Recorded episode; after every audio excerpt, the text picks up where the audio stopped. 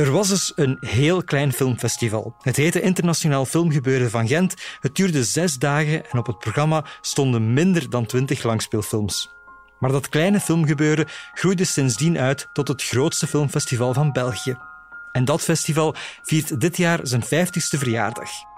In deze podcast over 50 jaar Filmfest Gent duik ik in de geschiedenis van het festival. Van de pioniersjaren over de focus op muziek naar de nationale en internationale sterren die in al die jaren over de rode loper liepen. Mijn naam is Ben van Alboom en dit is Sunset Confessions. Want hoezeer iedereen ook denkt dat filmfestivals draaien rond glamour en glitter en duizenden liters champagne, in werkelijkheid wordt Filmfest Gent meestal afgesloten in de Sunset om de hoek.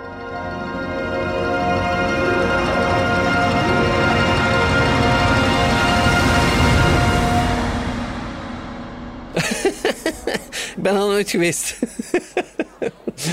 ik weet wel wat het is.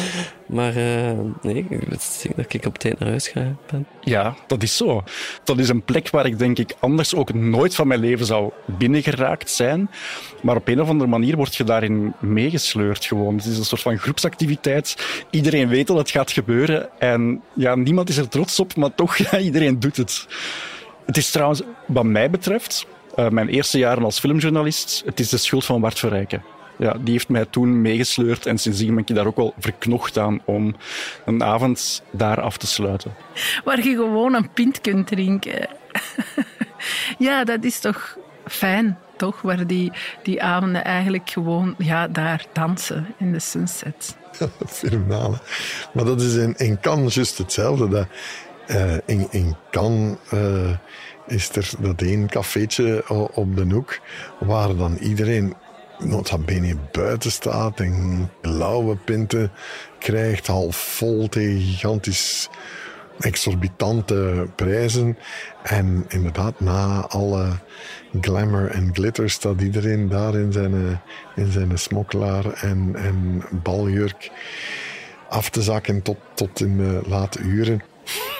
Ja, schijnt hè, ja. Ik ga altijd op tijd gaan slapen. Nee, maar echt serieus. Als ik dat zou doen om tijdens het festival naar de Sunset af te zakken ook nog, nadat we ook al het café bij ons gesloten hebben, dan zou ik dat twee dagen uithouden en dan tegen de grond gaan. Maar ja, het schijnt daar heel gezellig te zijn. Hè? Ja, vooral als het goed weer is en dat je buiten kunt staan ook. Hè? Dat is waar, behalve als je zelf een film toont, denk ik. Want ken je mij, wij hadden de première bijvoorbeeld van Close. En de ochtend daarna vloog ik naar New York voor de Oscar-campagne. Dus dat was weinig sunset aan voor mij, to be honest. Ik ken mij, dus ik ben daar wel even beland bij Close. Sorry, ik loog. Want ik was daar nog een drankje aan het drinken en de uitbaatster van Sunset kwam naar mij en die zei, weet omdat u een openingsfilm is, heb ik iets voor u. En ze heeft mij een stuk stof van de Arc de Triomphe die ingepakt was door Christo gegeven. Dus dat is wat er gebeurt in de Sunset om twee uur s'avonds.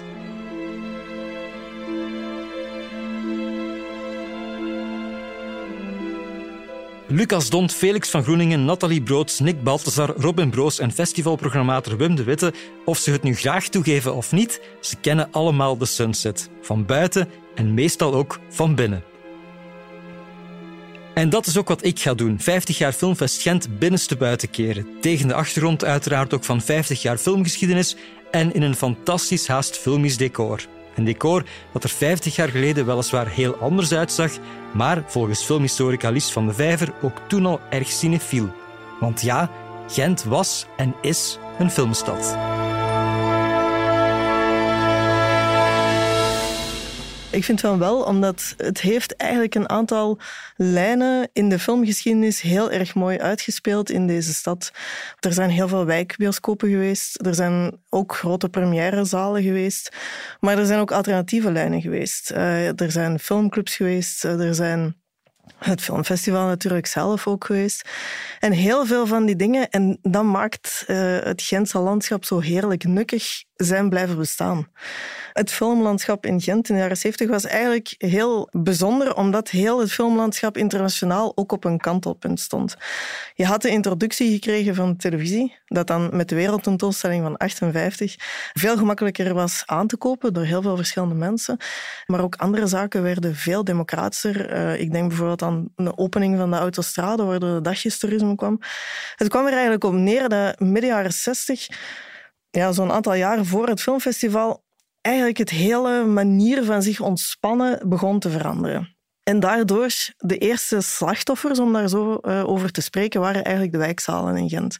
En dan heb je het filmfestival, die zich daar eigenlijk nestelt op het moment dat er eigenlijk een ideale broeihard was in Gent.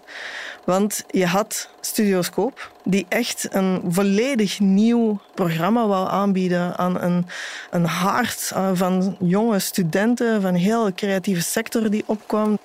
En dan zit Bent Rest daar zijn, zijn Studioscoop. En dat was iets nieuw. Want dat ging eigenlijk niet meer over de ervaring van naar de cinema gaan. Want dat waren de wijkzalen en de bioscopen in Gent stilaan aan het verliezen. De mensen gingen niet meer uit gewoonte naar de cinema om in die zaal te zitten, om bij de mensen te zijn. Maar wat deed het filmfestival, wat deed Scope? Zij kozen voor de film. Zij kozen resoluut voor het medium, voor daar een curatorschap op te zetten en daar heel duidelijk in te zeggen: wij willen een kunstfilm, een kunstmedium naar buiten brengen en we gaan daar ook heel duidelijk op uh, selecteren. Bent Rijlst was dus een Nederlander die hier in Gent ja, plots die studioscoop uit de grond stampte. Het was niet plots, want er bestond al zoiets door de filmclub, de Gentse filmclub, die hier ook bestond, de universitaire filmclub. Maar hij was dan toch degene die uiteindelijk het pand van uh, Studioscoop overnam, huurde, om daar dan een bioscoop te beginnen. Want daarvoor was dat eigenlijk een lokaal van de oudstrijders. En de scope, ja, zoals we allemaal weten, en ook tijdens het eerste en tweede en derde filmgebeuren, haalde Ben heel dikwijls kopijnen vanuit Frankrijk of van Nederland, hè, dat is geweten. Uh, haalde hij die eigenlijk illegaal over de grens, want er stonden nog overal douaneposten, dus dat was heel, heel spannend om die dan af te spelen in de scope. Maar dat waren dan nog met bobijnen die men moest gaan halen. En uh, ja, dikwijls geraakte die niet op tijd. en dan werd er iets anders vertoond in afwachting van. Het verliep natuurlijk allemaal chaotisch, maar bij hem, Ben was zo'n heel snelle spreker en die zei, dat komt allemaal in orde, dat komt goed, enzovoort. En dus die was iedereen maar aan het begeesteren, terwijl het dikwijls ook verkeerd afliep, dat er ook dat is ook legendarisch. Dat er ook uh, ja, films vertoond werden in de verkeerde volgorde. Dus de bobijnen werden een beetje door elkaar gehusseld. Maar ja, dat behoorde er allemaal bij. Uh, niemand maalde daar recht om. Misschien sommigen vroegen wel de prijs van hun ticket terug. Maar eigenlijk, ja, dat was de charme ook eigenlijk van de, van de scope. De scope, daar konden je ging er gelijk in. Als je naar een andere film, een andere zaal gaat, die laten u overdonderen een klein beetje door de zaal zelf. Dat klopt niet, en daar gaan we voor een film te zien. Daar zit op een oud een bankje, doordat als je te lang zit, je poep pijn doet. Maar daar kijkt naar de film. Dat is de bedoeling dat je daar kijkt. En dat is in feite zo gebleven. De bankjes zijn wel een keer veranderd in een zetelken achter een jaar of 10, 15 geloof ik. Maar dat is nog altijd dat staan. Als je nu ook in de gewone cinema, als je nu een goede film wil zien, tussen aanhalingstekens, ga dan naar de Sphinx of ga dan naar de Scope. Het is daarom ook dat dus um, al die mensen die toen in de Scope zaten, dus die jonge mensen die toen studeerden, voor hen is de wereld daar open gegaan in de Scope daar hebben ze dus eigenlijk ongelooflijke dingen gezien. We spreken, ja, 70 jaar, er gebeurde van alles op politiek gebied, op sociaal gebied. Dat heeft hen ook gevormd. Hè? En dat heeft ook meegespeeld in hun later leven, want veel van die mensen hebben dus zeer veel zaken veranderd en ten goede gemaakt in Gent en in Vlaanderen. En zijn dus ook zeer dankbaar daarvoor. Ja, ondertussen, het was de jaren zeventig, het was zo de hippiebeweging uh, in Gent. Ja, ik zal maar zeggen, de kliek van, van Gent, waar Roland van Kampenhout toe behoorde en nog een heleboel anderen. En die waren dat allemaal genegen natuurlijk. En het was ook allee, het decor, hè, dat droeg bij aan iets, een andere filmbeleving. Ja, daar zat geen echt plan achter of zoiets. Terwijl dat Ben natuurlijk, die wou een heleboel nieuwe namen hier, eh, ja, de andere film, hè, zeg maar, hier introduceren in Gent. Hè. Dat was daarvoor ongehoord. Dus Vastbinder, uh, ja, noem ze maar allemaal op. Enfin, bedoel, die, die werden dus geïntroduceerd door Ben. Dat was de nieuwe cinema. En daar waren heel veel mensen dan toch in geïnteresseerd en kwamen daar ook naartoe. Maar het had een bepaalde ja, reputatie, ik weet het niet, van anders zijn, van alternatief zijn uh, in Gent. Vandaar ook dat, um, dat Ben eigenlijk voor de Select koos in plaats van voor de scope. Later zijn ze dan samengegaan. Ik weet niet, tweede of derde film gebeuren waar dat wel was het zowel in de select als de scope, maar de eerste, het eerste jaar niet. Hij wou dat in de select omdat hij dacht, ja, de scope heeft een bepaalde reputatie bij het grote publiek, zeg maar bij het bourgeois publiek. Dus ik wil daar iets, iets anders tegenover stellen. En uh, ik wil toch zoveel mogelijk mensen daar naartoe krijgen. Vandaar dat hij een reguliere, zal ik maar zeggen, tussen aanhalingstekens, uh, cinema koos, de Select, de kleine Select naast de Century aan het Zuid. En daar dus het eerste filmgebeuren eigenlijk uh, starten. Ben wou het eigenlijk in de scope doen. Maar die kring rond Ben en ook Dirk, die zeiden ja, Ben zou dat wel doen. Je wilt dat er dus eigenlijk een publiek meer komt buiten het normale circuit, maar je hebt een slechte naam. Dus je gaat moeilijk de mensen in de scope krijgen. Zou je niet beter een cinema zoeken om je festival in te doen? Ben zei, ja, oké, ja, ik kan dat natuurlijk overwegen. Ja, oké, we, gaan dat dan, we gaan dat dan zoeken, zeker. Hè? Ja, en vandaar is het in de Select geweest. Je had eigenlijk twee bioscopen naast elkaar. En de Select was lang en smal de ingang. En dan werd het een grote zaal met een gigantisch beeld van een liggende vrouw boven het, uh, boven het scherm. En daarnaast lag de Century en die was heel breed. En aan de overkant, schuin tegenover, had je de Capitol. De grootste bioscoop. Daar draaiden uh, Gone with the Wind uh, in de zoveelste herneming. Of de nieuwe Disney-films draaiden daar. Century was bekend voor zijn westerns. En de Select had al een beetje de reputatie van een betere zaal. Waar alles een, uh, een film, zeg maar iets van, van Ingmar Bergman draaide in de normale programmatie. Dus die hadden al een cinefiel, zou ik het niet noemen, maar toch al een, een betere reputatie. En dan was daar in januari 1974 plots die eerste editie van het Internationaal Filmgebeuren van Gent, vertellen filmjournalisten Jan Temmerman en Roel van Bambost. De twee waren daarop aanwezig, net als Linda Meerschout, fan van het eerste uur, wier poep mogelijk nog altijd pijn doet van die houten banken in Studioscoop. Maar ook Paya Germonpree was erbij, de toenmalige partner van Benter Elst en auteur van het boek Scopiumschuivers over de beginjaren van Studioscoop en dus ook Filmfest Gent.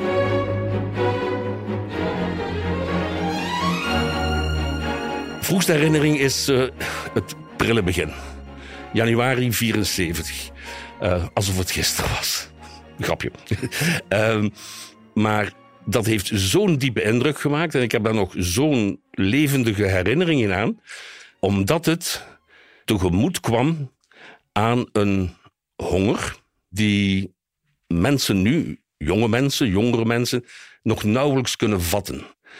Uh, toen er waren bioscopen, uiteraard. Er waren de grote exclusiviteitszalen, heette dat dan in Gent. En er waren de wijkbioscopen. That's it.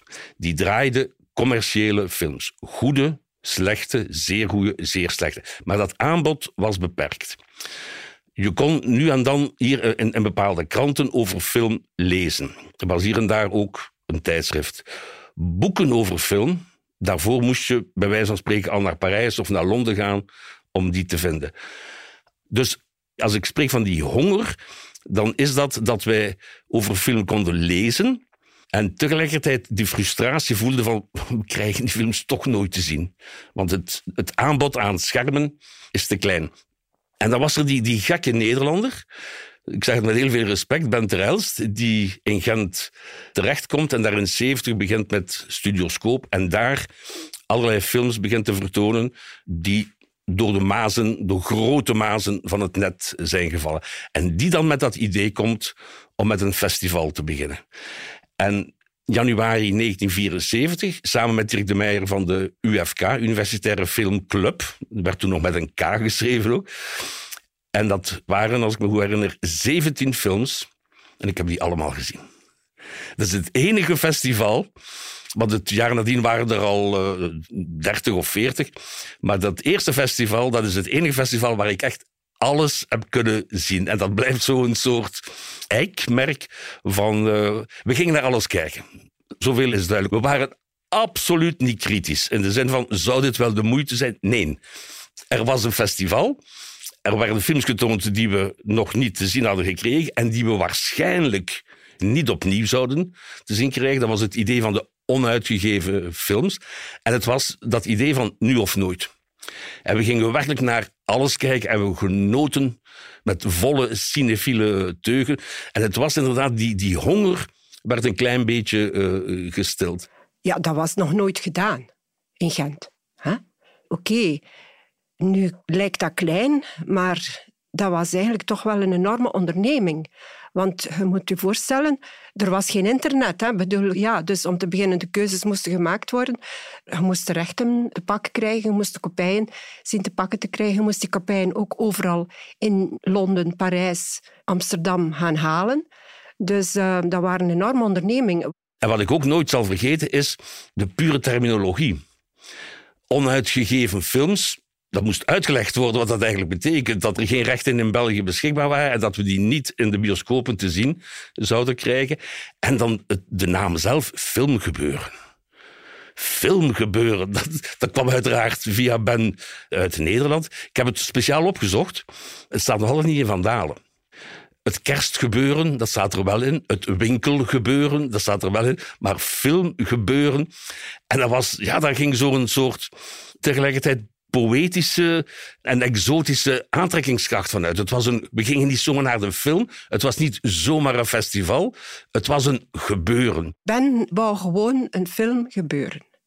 Hij was tegen het uh, festivalprincipe als zijnde een um, competitie. Plus natuurlijk, er was geloof ik toen al het filmfestival in Brussel. Dat enorm veel geld kreeg. En Ben had zoiets, ja, zij krijgen geld en voor hun gaat de rode loper open en zo. Ik doe daar niet aan mee. Bij ons is het gewoon filmgebeuren. Ik was erbij op de eerste editie. En op dat moment natuurlijk waren ja dat er heel veel gebeurde. Dus uh, eind jaren, begin jaren 70, maar vanaf zo midden jaren 60 tot eind jaren 70 is er een soort, in de cinema in het algemeen, eh, de wereldcinema, bijna alle landen ter wereld die, die bekend waren als filmland, zijn er revoluties geweest, zijn er nieuwe stromingen geweest. Dus een heel stimulerende manier, een moment om met film bezig te zijn. Vandaar dat dat, dat festival ook snel uitgegroeid is tot een heel, denk, heel goed festival, dat er heel veel, als je op dat, op, in die periode wilde op de hoogte blijven van wat er leeft, wat er vernieuwend is in de cinema, maar dat niet tot in de reguliere bioscoop komt, want dat is eigenlijk een beetje voor een stuk ook de functie, de hoofdfunctie van een festival. Ja, dan kwam je daar wel ruim aan je trekken. Dus die eerste jaren het festival, met de mensen die er toen waren, Ben Terrel, Stier de Meijer, die ik toch ook wil vernoemen, die hadden wel de vinger aan de pols en die, die slaagden er wel in om in, in Gent een relatief kleine stad. Het beste van de films die gemaakt werden, maar die inderdaad niet verdeeld werden in de cinema, om die in een periode van tien dagen te zien. Dus dat waren bijna marathons, cinefiele marathons. Ваша поза нелепа. Ваше так называемое мужество бесчеловечно. Слышите вы? Вы, как я понял, излишне впечатлительны. Вам надо привыкнуть. Доброго здоровья. De film die ik nooit zal vergeten van die eerste editie dat was Solaris. Solaris van uh, Andrei Tarkovsky. Een Russische film van, denk bij de drie uur of zo. En uh, Solaris werd in der tijd zo'n beetje beschouwd als de Russische tegenhanger. Dat is een soort filosofische science fiction film. De Russische tegenhanger, de Russische versie van uh, 2001 A Space Odyssey. Op die manier lazen we erover. Ah, er is een film, maar we gaan die nooit te zien krijgen. Uh, ben zei, ik haal die naar het filmfestival. Heeft een kopie op de kop kunnen tikken die dezelfde avond ergens in Den Haag vertoond werd, in een reguliere vertoning. En toen zijn, voor alle duidelijkheid, toen waren er nog bobijnen. Ik weet niet of veel mensen dat nog weten, maar film werd opgesplitst in, naar lang de lengte, acht, tien uh. En die werden dan door twee auto's, er reden twee auto's continu over en weer. En vandaar dat de film Solaris in Gent geprogrammeerd stond om 11 uur s'avonds. Nu, wat er precies is misgelopen, weet ik niet. Maar in elk geval om 11 uur is Ben in de zaal gekomen en heeft gezegd van Solaris is er niet. Grote ontsteltenis en grote teleurstelling. Maar hij zei, Solaris is er nog niet. Hij is op komst. En dan legde hij uit dat dat dus uh, met die auto's gebeurde. Een klein detail. GSM moest nog uitgevonden worden. Hè? Dus we hadden geen idee. Niemand had enig idee van waar zitten die chauffeurs, waar zitten die auto's. Zijn die ergens in de gracht gereden? Zijn die tegengehouden door de douane? Geen idee. Een aantal mensen zijn buiten gegaan om iets te gaan eten of dat te gaan drinken in, in, in de buurt. Een aantal hebben ook gezegd van ja, ticket terugbetalen. Maar de diehards, die hadden echt zoiets van, het is nu of nooit. En langzamerhand zijn die kopieën dan, dan toch toegekomen. Maar dat idee om die film in stukken eh, in, met verschillende bobijnen, met verschillende wagens naar Gent te laten brengen. Dat is toch wel uh, ja, een zeer rare manier om een uh, filmgebeuren te organiseren. Maar hij deed het en we hebben de film gezien. Het, was een café naast de Select. Dat heeft heel veel volk opgevangen. En ja, er ja, want het, was echt uren wachten eer dat het dan begon. Maar nee, het is gelukt.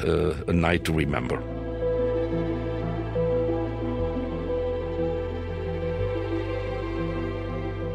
Andy Warhol, Alejandro Jodorowsky, Nagisa Oshima, Rainer Wenner Fassbinder, Chris Marker, Andrei Tarkovsky.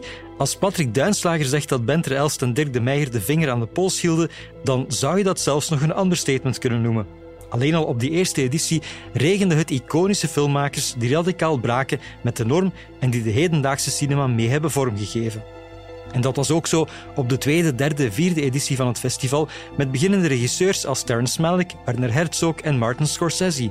Maar in 1976 ook met drie legendarische pornofilms: Deep Throat, Good Hot Stuff en History of the Blue Movie. Ever had a massage before? No, I never had. I'm looking forward to it. Oh, that's just fine. Some of our best customers are our new customers. I'm sure. Are you ready yet, sir? Yes, I'm quite ready. Pornofilms heb ik nooit gezien. Zo. ah ja, in het begin bedoel je. Ja, ja, van de Blue Movie en zo van alles. Ja, natuurlijk. Ja, maar ja, ja dat was toen schering en inslag. Hè. Uh, ben Trails natuurlijk. Ja, die joeg dat een beetje aan door het feit. als er ook maar één bloot fragment kwam in een film, dan zet Nedal als foto in zijn programmaboeken. En uh, dus hij was daar een beetje voor gekend. Hij was ook, het was ook provocerend natuurlijk bedoeld. En dan die Blue Movie, ja. En de Zweedse films, I Am Yellow en Blue enzovoort. Ja, het draagt bij aan natuurlijk aan, uh, moet ik zeggen, aan de historie van het filmgebeuren destijds. Ja, het was ook de periode waar film op veel vlakken taboe brekend was.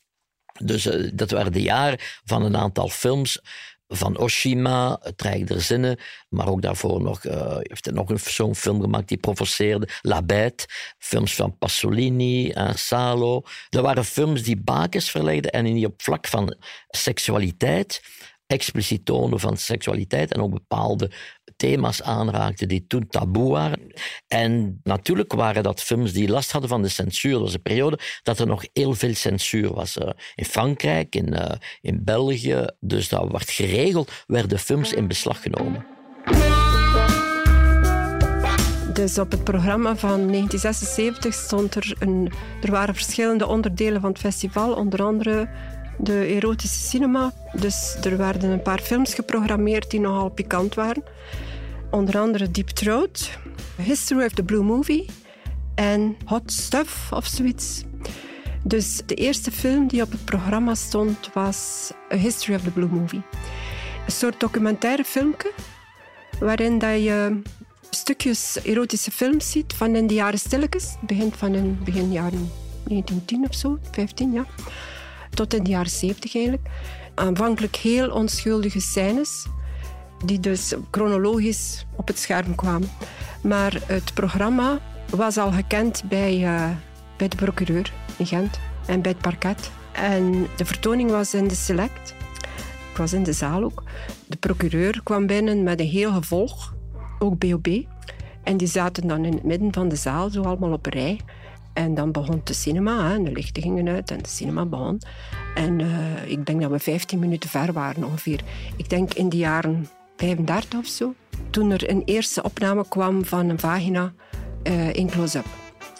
Dus op dat moment is de procureur rechtgestaan. Heeft hij een teken gedaan naar achter. Want helemaal achteraan, onder het projectievenstertje, stond er een BOB. En dus hij gaf teken aan die BOB. Indien is daar, ik niet, op een stoel gesprongen of zo, heeft zijn hoed afgenomen en heeft dus de projectiestraal afgedekt. Waarna dus de projectie stil viel, het was donker op het scherm, dan gingen de lichten aan. En dus wij moesten allemaal de zaal verlaten. De procureur is dan naar de cabine gegaan en heeft ook de kopij in beslag genomen en heeft de cabine ook verzegeld. Het publiek is dan naar buiten gegaan, ontgoocheld, gefloten en al, ja, maar het was, was niet aan te doen. Dan was het probleem eigenlijk dat dus, uh, er stonden nog twee films, gepeperde films op het programma. En uh, Piet van Eekhout was toen de advocaat van Ben. Dus Ben belde zijn advocaat, wat moet ik nu doen? En er werd dus beslist om een vertoning te organiseren in de scope. Een petit comité met alleen maar advocaten. Om te zien of dat ze die andere films nog op programma konden laten. Want er hing dus een gevangenisstraf boven zijn hoofd. Hè? Dat waren zedenfeiten. Hè? Dus ze hebben dan Deep Throat bekeken. En ze hebben Good, good Hot Stuff of zo. Dat was eigenlijk een film uit de homoscène waar het er nogal zwaar, werkelijk. Het was... Ik heb het niet gezien, maar ja. Waarna dus uh, Piet van Eekhout en er waren nog een paar. Bulting was er ook bij. Zeiden, ja Ben, als je dat gaat tonen, ja, dan steken ze Piet in de bak, ja. En dus uh, heeft Ben dan die twee vertoningen inderdaad geschrapt. Maar onder begeleiding, geloof ik, hebben ze die kopij tot aan de grens uiteindelijk, maanden nadien. Want wij hadden een probleem met de distributeur. bedoel, die kopij was niet van ons. Hè. Dus maanden nadien hebben ze die kopij op de een of andere manier naar de grens gebracht, waar de mensen in Frankrijk, in van Parijs, die kopij zijn komen op aan. Dus wij dachten eigenlijk dat is nu afgelopen. Nu, ik denk een jaar of vijf, zes geleden, heeft er iemand van het stam in de kelders van de recherche onderzocht. En ze hebben haar daar binnen gelaten in die kelders, eh, waar dat er ook bewijsmateriaal en zo allemaal liggen. En wat heeft ze daar gevonden? Eén rol van A History of the Blue Movie. En er is toen een tentoonstelling geweest in Stam, rond die misdaad. Ja. En dus die mevrouw die dat georganiseerd heeft, heeft toen uh, die rol ja, ze hebben dat op de een of andere manier op film gekregen en ze hebben dat dan ook getoond. Ik bedoel, kon nog een stukje zien van de cinema. En ik heb dan ook de film, bedoel, de film heb ik dan ook, uh, heb ik eigenlijk maar ook gezien, die eerste 15 minuten. Maar uh, enkele jaren geleden hebben ze die geprogrammeerd in het Kask. En uh, ben ik er naartoe gegaan en hebben we dus, heb ik de hele film gezien. En ik moet eerlijk zeggen, het is eigenlijk geen slechte film.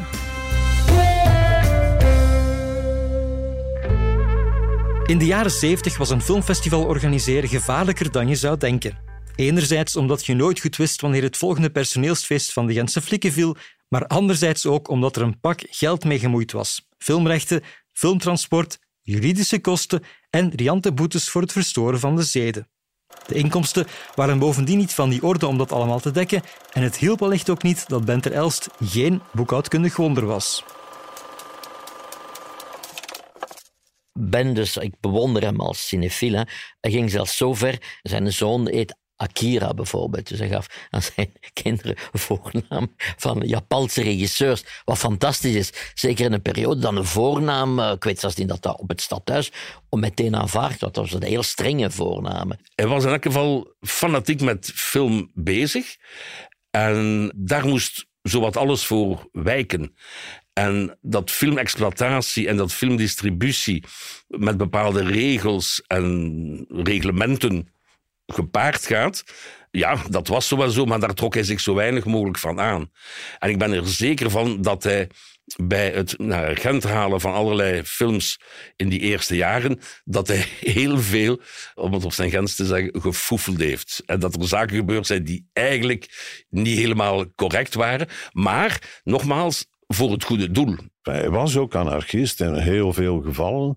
Maar aan de andere kant was het toch ook zijn bedoeling van ja, dat, eh, het stoorde hem toch een beetje dat dat alleen maar dat publiek was. Dus hij wou naar een breder publiek. Vandaar ook uiteindelijk, na een heleboel gedoe en schulden en wat weet ik allemaal, dat hij voor die VZW naar Jacques Dubrul gestapt heeft. Want er zat in zijn hoofd dat Jacques, die natuurlijk ja, een heleboel connecties had, dat, dat wist hij, dat hij daardoor subsidies zou krijgen. Het was vrij snel duidelijk dat Ben een heel goede en tegelijkertijd heel slechte organisator was.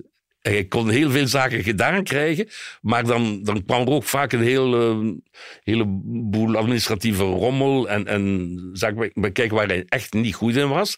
En hij besefte ook wel van, ik moet hulp krijgen. En dan is Jacques Dubrul daarbij gekomen en vrij snel, ik denk al na één of twee jaar van samenwerken, gespannen samenwerking, heeft Ben de deur achter zich toegetrokken. Jacques is gebleven. Jacques heeft het festival uitgebouwd tot wat het nu is. Chapeau. Maar voor Ben was dat echt uh, traumatisch. Ik heb hem leren kennen door samenloop van omstandigheden, omdat hij gehoord had dat ik uh, al herhaalde malen aan uh, de pers had gezegd van dat dat jammer was dat zo'n initiatief niet beter gesteund was. Zonder meer. Uh, en hij vond dat sympathiek. En dan op een bepaald ogenblik, omdat hij wist dat ik een communicatiebureau had. En ook uh, parallel met film bezig was. Ik had samen met Jean Dascalides een productiebedrijf, uh, Daska Film. En toen is hij mij komen opzoeken om te zeggen, kunt je mij niet helpen? Want ik kan zo niet verder doen. Ik krijg geen steun van de stad. Dus hij heeft daar al maal gedurende twee, drie jaar gezegd, ik stop ermee. Ik kan daar niet verder aan. Ik moet gesteund worden. En zo is in feite ons contact dan gekomen en dat ik uh, hem uh, geprobeerd heb om een oplossing te vinden om die traditie die gestart was te kunnen verder. Ik had veel uh, bewondering voor zijn durf. Maar dan had ik geen bewondering voor zijn manier van aanpak. Maar bon, hij deed het wel. Ik, uh, daarom die, dat woord bewondering. Want je moet het toch maar doen in een uh, oude zaal. Starten met een bioscoopexploitatie. Daar waar dat de cinema in die periode toch achteruit ging. Het was in feite een beetje crisis al in die periode. En hij begon uh, in die zaal met het projecteren van films die niet in de distributiehandel waren. Dus het was gedurfd, zeker in die tijdsgeest. En uh, toen Ben dus mij in feite in 1978 gevraagd heeft, wilt je me alsjeblieft helpen, want ik ga stoppen. Dan heb ik gezegd, ja, het zou jammer zijn dat dat stopt, dat initiatief. En heb ik uh, contact genomen met uh, filmfanaten zoals John Bunting, advocaat, grote filmliefhebber en assisepleiter. En Piet van Eekhout, die toen schepen was van uh, onderwijs en toerisme. En ben ik die gaan vinden en zeg, wilt je niet meedoen? En uh, dat we een VZW zouden oprichten om het filmgebeuren een structuur te geven. En uh, toen hebben we in 80 de eerste editie georganiseerd in het voorjaar door die VZW. Op dat ogenblik ging alles goed, behalve in de relatie met Ben. Want Ben wou nog altijd werken zoals hij vroeger werkte. Namelijk geen reekschap geven aan een structuur, aan een raad van bestuur. Door het feit dat we geld voeren en aan stad en aan uh, privépartners. Ja, moest je dat binnen een organisatie doen. En moest je verantwoording geven. En daar had uh, Ben het zeer moeilijk mee. Dus de enige strubbeling die er ooit geweest is. En die jammer is voor een beetje de geschiedenis van het festival. Want uh, ik blijf zeggen uh, dat het uh, een, een, mooie zet was van Ben om dat op te starten. En ik blijf dat herhalen. Dat is dankzij zijn toenmalige visie dat het filmfestival is geworden is, dat het uh, nu is, alhoewel dat het natuurlijk enorm is, is geëvolueerd.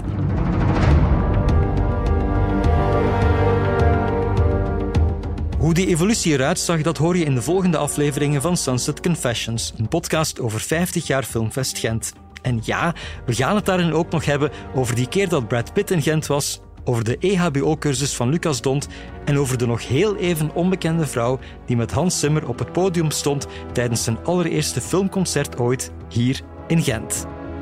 Sunset Confessions is een podcast van Filmfest Gent in samenwerking met De Morgen. Written, directed and produced by me, Ben van Alboom, gemonteerd door Kieran Verheijden van House of Media en alle gesprekken werden opgenomen door Wannes de Vogelaren bij Urgent FM. En ik ga proberen om niemand te vergeten, maar mocht het toch zo zijn, dan trakteer ik op champagne tijdens de volgende editie van Filmfest Gent van 10 tot 21 oktober. Dikke merci aan Marijke van de Bury, Wim de Witte en Kim Vertee van Filmfest Gent, Sophie Steenhout, Lauren van den Driessen en Tom van Houten van House of Media, Remy Amcrouch en Sam Vijs van de Morgen en Tanja Selleslags van Urgent FM. De muziek van Cliff Martinez en Ruichi Sakamoto komt uit de archieven van Filmfest Gent en de World Soundtrack Awards. Tot de volgende.